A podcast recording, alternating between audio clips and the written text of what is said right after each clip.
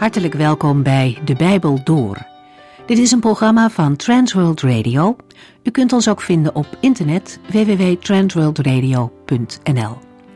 De Bijbel Door is een radioserie die in vijf jaar tijd door de hele Bijbel gaat. Van Genesis tot Openbaring, van kaft tot kaft.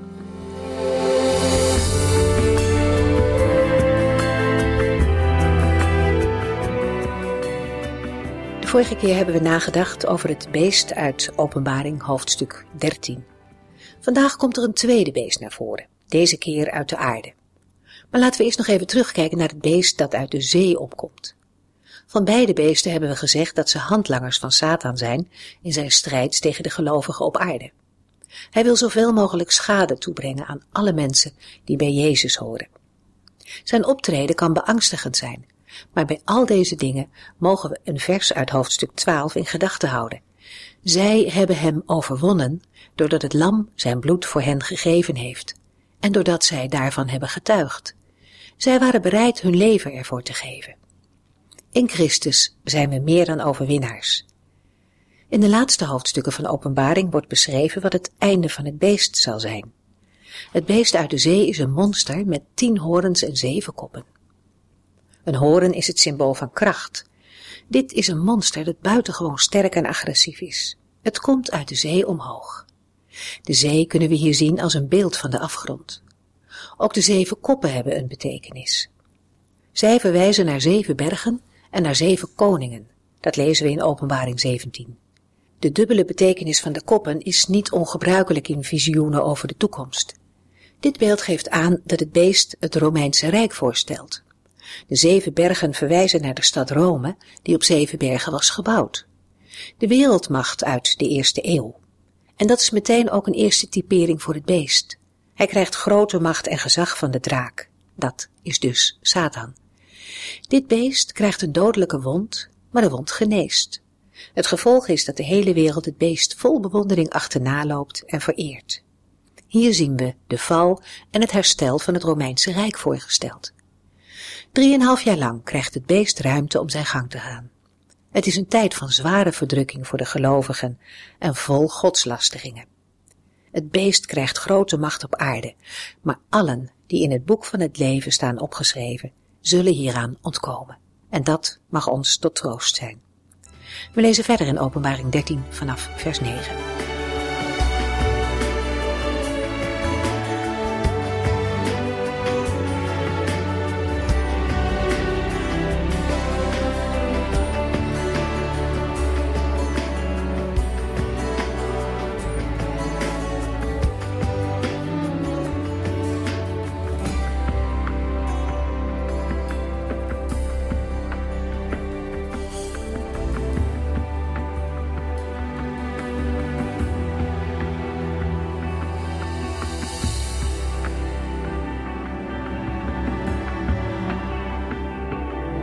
De beschrijving van het optreden van het beest uit de zee in de vorige uitzending volgt nu een oproep om goed te letten op wat er wordt gezegd.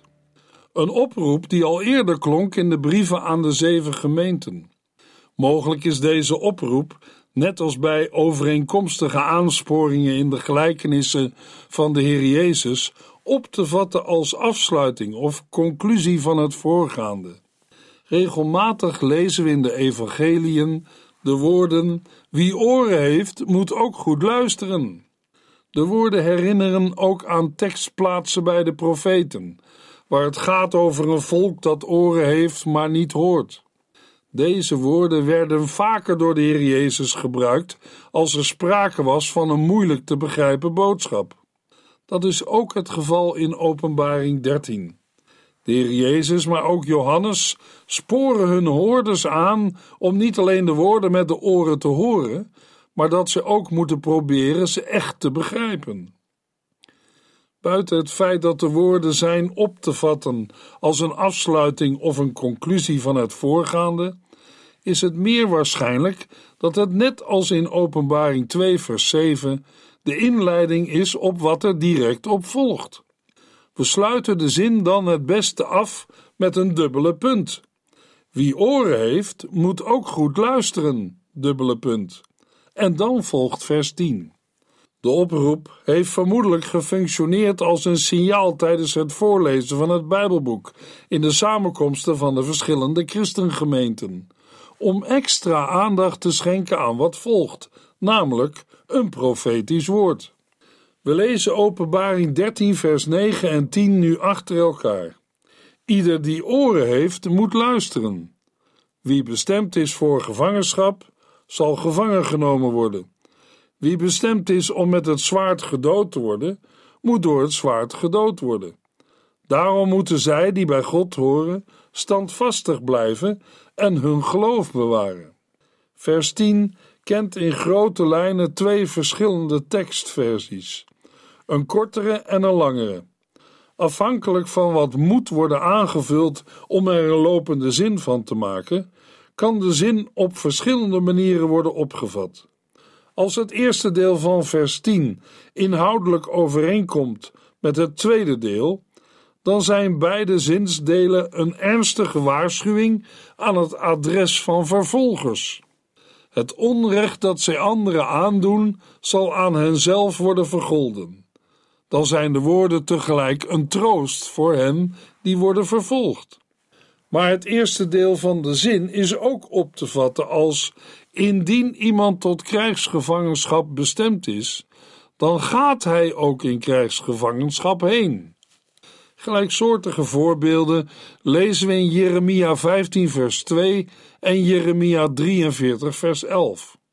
In navolging van deze voorbeelden kunnen we Openbaring 13, vers 10 ook als een waarschuwing opvatten aan het adres van vervolgden. Zij moeten zich niet met geweld tegen vervolging verzetten, omdat vervolging onvermijdelijk is en het gebruik van geweld zich uiteindelijk tegen hen zal keren. Ook van het tweede versdeel zijn er uiteenlopende tekstversies. Ook daar is er sprake van een verschil in geadresseerden. Indien iemand met het zwaard zal doden, bijvoorbeeld vervolgers, of indien iemand door het zwaard gedood wordt, bijvoorbeeld zij die worden vervolgd.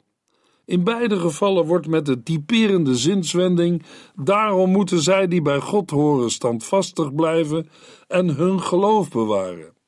In een andere Bijbelvertaling lezen we: hier blijkt de volharding en het geloof der heiligen. Met deze woorden worden de gelovigen gewezen op de andere weg die zij moeten gaan, namelijk de weg van volharding en vertrouwen op God. Het Griekse woord voor volharding betekent het uit of volhouden. En geloof is vertrouwen op God en heeft ook trouw en loyaliteit in zich. Openbaring 13, vers 11. Ik zag nog een beest. Dat beest kwam op uit de aarde. Het had twee horens, net als een lam, en het sprak als een draak. Na het beest uit de zee ziet Johannes een ander beest dat opkomt uit de aarde. De beschrijving van het beest uit de aarde doet denken aan Daniel 8, hoewel daar sprake is van een ram met twee horens. We lezen in Daniel 8, vers 3: Toen ik om mij heen keek, zag ik een ram met twee lange horens aan de rivier staan.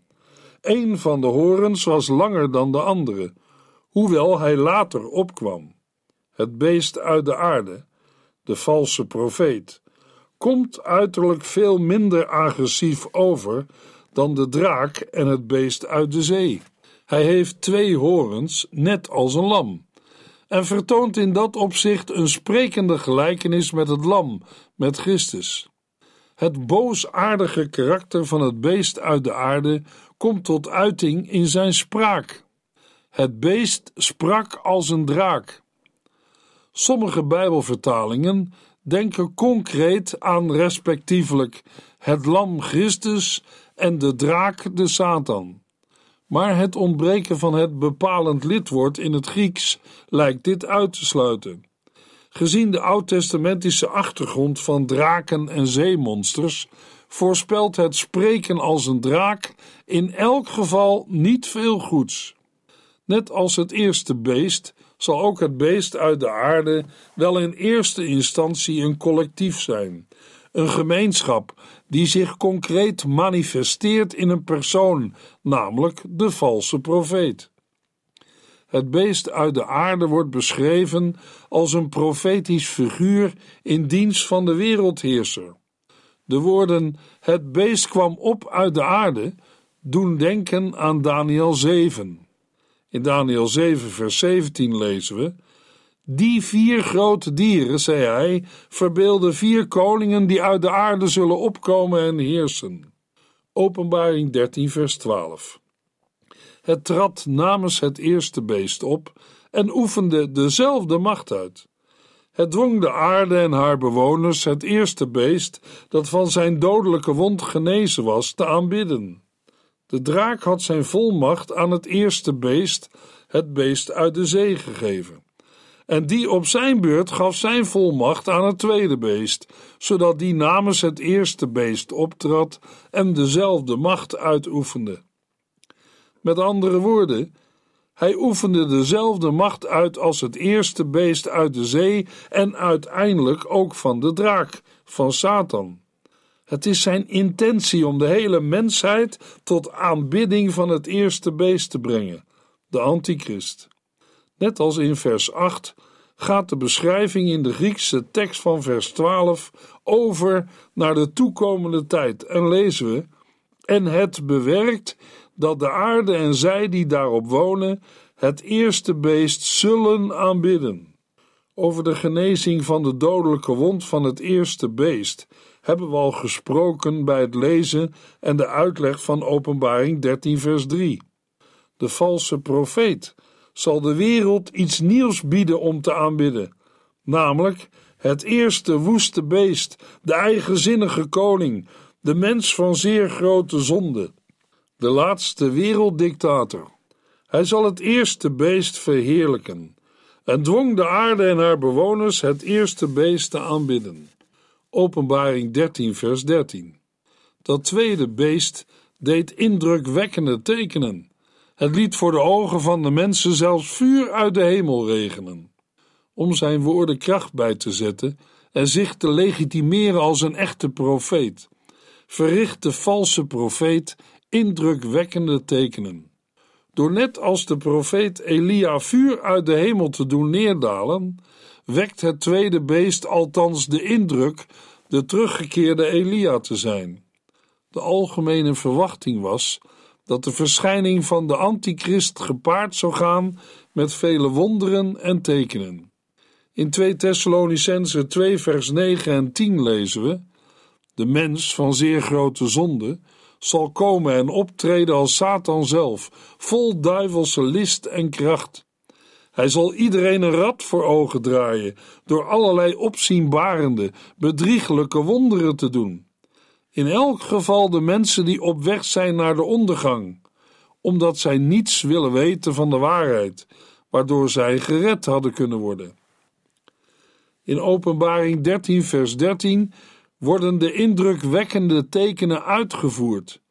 Niet door de antichrist zelf, maar door het tweede beest, de valse profeet, die daartoe door de antichrist is gevolmachtigd. Openbaring 13, vers 14. Door deze indrukwekkende dingen, die het tweede beest namens het eerste beest deed, werden de bewoners van de aarde misleid. Het kreeg hen zover een standbeeld te maken van het beest dat ondanks zijn dodelijke wond was blijven leven. Onder toeziend oog van het eerste beest weet het beest uit de aarde de bewoners van de aarde met zijn wondertekenen te misleiden en hen zo ver te krijgen dat ze een standbeeld voor het eerste beest, de antichrist, maken. Er wordt in vers 14 aangesloten bij een ten tijde van het Romeinse Rijk wijdverbreid gebruik om overal in het imperium beelden van de keizers te plaatsen, om zo de keizercultus te bevorderen en daarmee de machtspositie van Rome te versterken. Dat ook tegenstanders van de Here wondertekenen kunnen doen, weten we al sinds de plagen van Egypte. We lezen in Exodus 7, vers 11 en 12. Toen ontbood de farao zijn geleerden en tovenaars, en zij deden hetzelfde wonder door hun magie. Hun staven werden ook slangen, maar Aarons slang at hun slangen op. In Exodus 7, vers 21 tot en met 23 lezen we: De vissen in de rivier stierven en verspreidden een vreselijke stank. De Egyptenaren konden het water uit de rivier niet meer drinken. Overal in het land was het water in bloed veranderd. Maar de Egyptische geleerden deden met hun toverkunsten precies hetzelfde. En weer liet de farao zich niet overtuigen. En in Exodus 8 bij de plaag met de kikkers lezen we het ook weer. In Exodus 8 vers 7.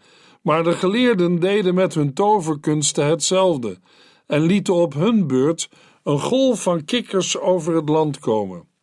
De kennis van de Egyptische geleerden lijkt ver te gaan.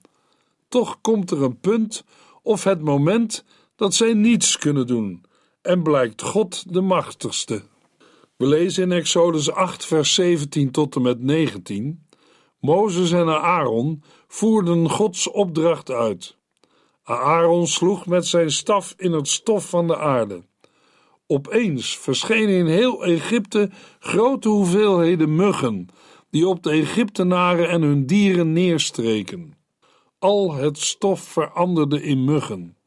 Ook deze keer probeerden de geleerden hen weer met hun toverkunsten na te doen, maar het lukte niet. Dit is de hand van God, zeiden de geleerden tegen de farao. Maar de farao was opnieuw koppig. Hij weigerde naar hen te luisteren.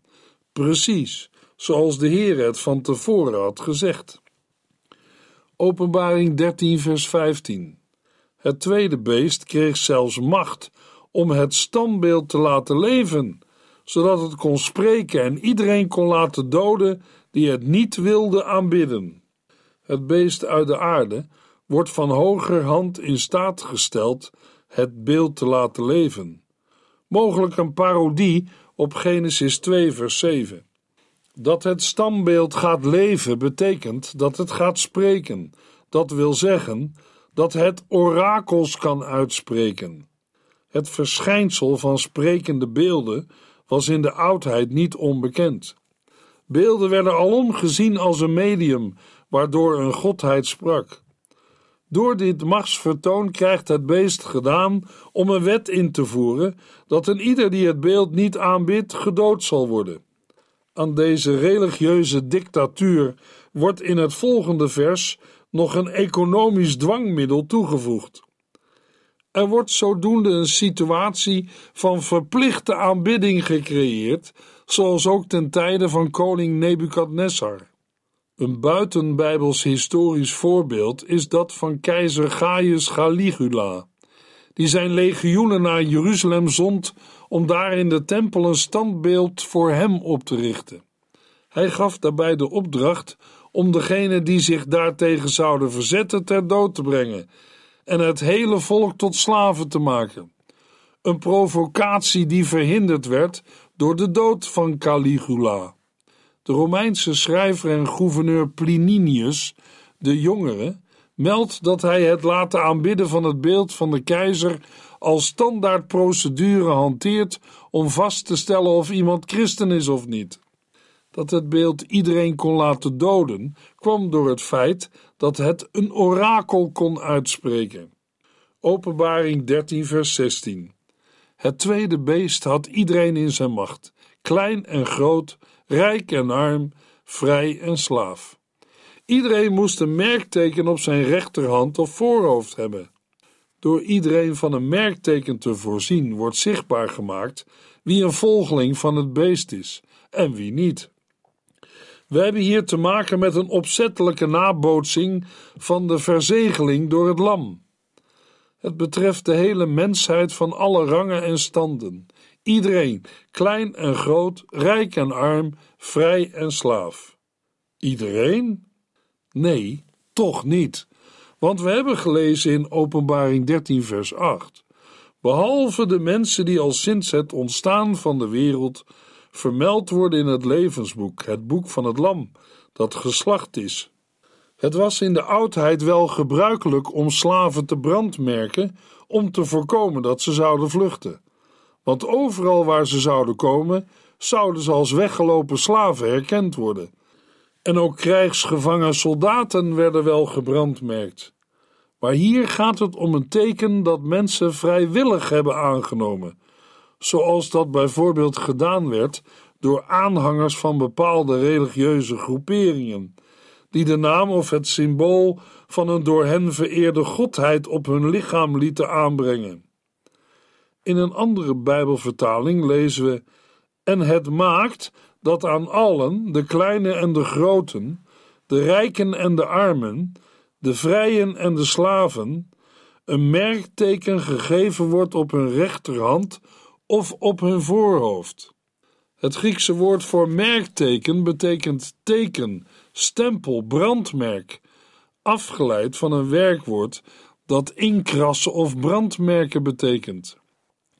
Een merkteken werd onder meer gebruikt ter aanduiding van het keizerlijke zegel dat op officiële documenten gedrukt werd. Hier is sprake van een situatie waarin mensen dit zegel opgedrukt krijgen. Het teken bestaat, blijkens vers 17, uit de naam van het beest of de daaraan corresponderende getalswaarde. Te denken valt aan een zichtbaar kenmerk op de rechterhand of het voorhoofd, waardoor de betreffende persoon voor iedereen zichtbaar zijn loyaliteit ten opzichte van het beest, de antichrist, tot uitdrukking brengt. Daarmee stellen zij zich ook onder zijn gezag. Verder denken uitleggers bij deze dingen ook wel aan een parodie op de Joodse gebedsriemen, met doosjes waarin een gedeelte uit de wet werd bewaard en die op de linkerhand en op het voorhoofd werden bevestigd. Openbaring 13, vers 17. Wie dat teken niet had, kon niets kopen of verkopen. Dat teken moest de naam van het beest zijn, of het getal dat het symbool van die naam is. Het hebben van het merkteken van het beest is een absolute voorwaarde om te kunnen deelnemen aan het openbare leven en het handelsverkeer. Er is blijkbaar sprake van een volledige economische uitsluiting van mensen zonder dit merkteken. Wat het merkteken is, wordt nu uitdrukkelijk gezegd. Dat teken moest de naam van het beest zijn, of het getal dat het symbool van die naam is. Bij de naam van het beest gaat het om de naam van het eerste beest, de Antichrist. Het getal dat het symbool van die naam is, wil zeggen de daarmee corresponderende getalswaarde. Het merkteken is een naam, geschreven in letters dan wel in cijfers. Openbaring 13, vers 18. Hier is wijsheid nodig. Wie verstandig is, kan erachter komen wat het getal van het beest is. Het is het getal van een mens, namelijk 666. De naam van het beest wordt niet onthuld, maar wel geeft Johannes een aanwijzing die een verstandig iemand in staat moet stellen om dat te onderkennen, als het beest, de antichrist, ten totale verschijnt. Het is het getal van een mens, namelijk 666. Het is een getal dat berekend moet worden, dat wil zeggen, het getal als zodanig verraadt nog niets over de identiteit van de antichrist. Het is bovendien een getal dat berekend kan worden, omdat het namelijk het getal van een mens is.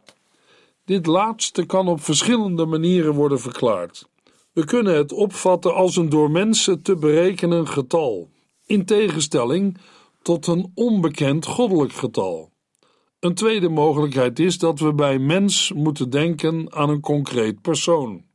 In sommige Bijbelvertalingen komen we dat ook tegen en lezen we: het duidt een mens aan, of zelfs met het getal is namelijk een mens bedoeld. In het verband van Openbaring 12 en 13, waarin steeds sprake is van beesten, zou deze uitleg overigens goed passen om misverstand over de identiteit van de komende antichrist uit te sluiten. In beide gevallen geldt dat het onder de juiste omstandigheden mogelijk moet zijn om het raadsel te ontcijferen. Er zijn, methodisch gezien, minstens vier verschillende benaderingen om het getal 666 te verklaren. Volgens de eerste opvatting is 666 een symbolisch getal waarvan de betekenis schuilt in het gekozen getal zelf. Het getal 7 duidt in het Bijbelse spraakgebruik vaak op volheid en volmaaktheid. Het getal 6 zit daar net onder en drukt zodoende onvolmaaktheid uit. 3 maal 6 is dan uitdrukking van onvolmaaktheid ten top, een tegensymbool van 777. Volgens de tweede opvatting is 666 een driehoeksgetal. Het is namelijk de som van alle getallen tussen 1 en 36. En 36 is de som van alle getallen van 1 tot 8. Er moet dus gerekend worden en het getal 8 speelt in Openbaring 17 vers 11 inderdaad een rol bij de typering van het beest. Probleem bij deze optie is dat de oplossing geen enkel inzicht biedt in de identiteit van het beest, terwijl dat juist wel de bedoeling is. Volgens de derde opvatting is 666 een getal dat volgens de methode van gematria of isopsefia is samengesteld. De getalswaarde van de naam van het beest komt overeen met het getal 666. Johannes sluit hier aan bij een algemeen gebruik in de oudheid om de letters van het alfabet als telwoord te gebruiken, in de zin van A is 1, B is 2 enzovoort. Zodat namen niet alleen in letters, maar ook in cijfers konden worden weergegeven en andersom, cijfers in letters. Een vierde verklaring is gebaseerd op de Griekse schrijfwijze voor het getal 666, die we in veel handschriften en bij de kerkvader Irenaeus vinden. In deze schrijfwijze ziet men de letters waarmee de naam Christus in de oudheid werd afgekort, met daartussen het teken van de slang, de Griekse letter xi. Zo bekeken is het getal van het beest een duivelse vervorming van de titel van de Heer Jezus. Het kenmerkt het beest als een Satan en een antichristus. Het probleem van deze uitleg is dat niet alle handschriften deze schrijfwijze hebben, en ook dat Johannes zegt dat het getal berekend kan worden. Samenvattend kunnen we stellen dat over de oplossing van het getal van het beest het laatste woord nog niet gezegd is. Laten we bidden om de wijsheid die van God komt. Want het door de Heilige Geest verlichte verstand stelt een gelovige in staat door te dringen in de geheimenissen van de Heer.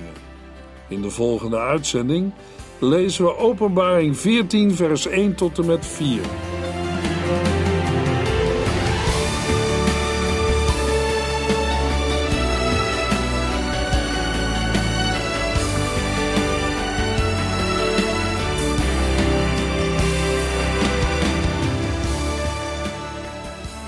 Sinds kort kunt u een USB-stick bestellen met alle uitzendingen en de teksten van de Bijbel door. Ons adres volgt in de afkondiging. En hier eindigt deze aflevering van De Bijbel Door. Een serie programma's van Transworld Radio. Wilt u ons iets vragen of meer weten? Dan kunt u altijd contact met ons opnemen.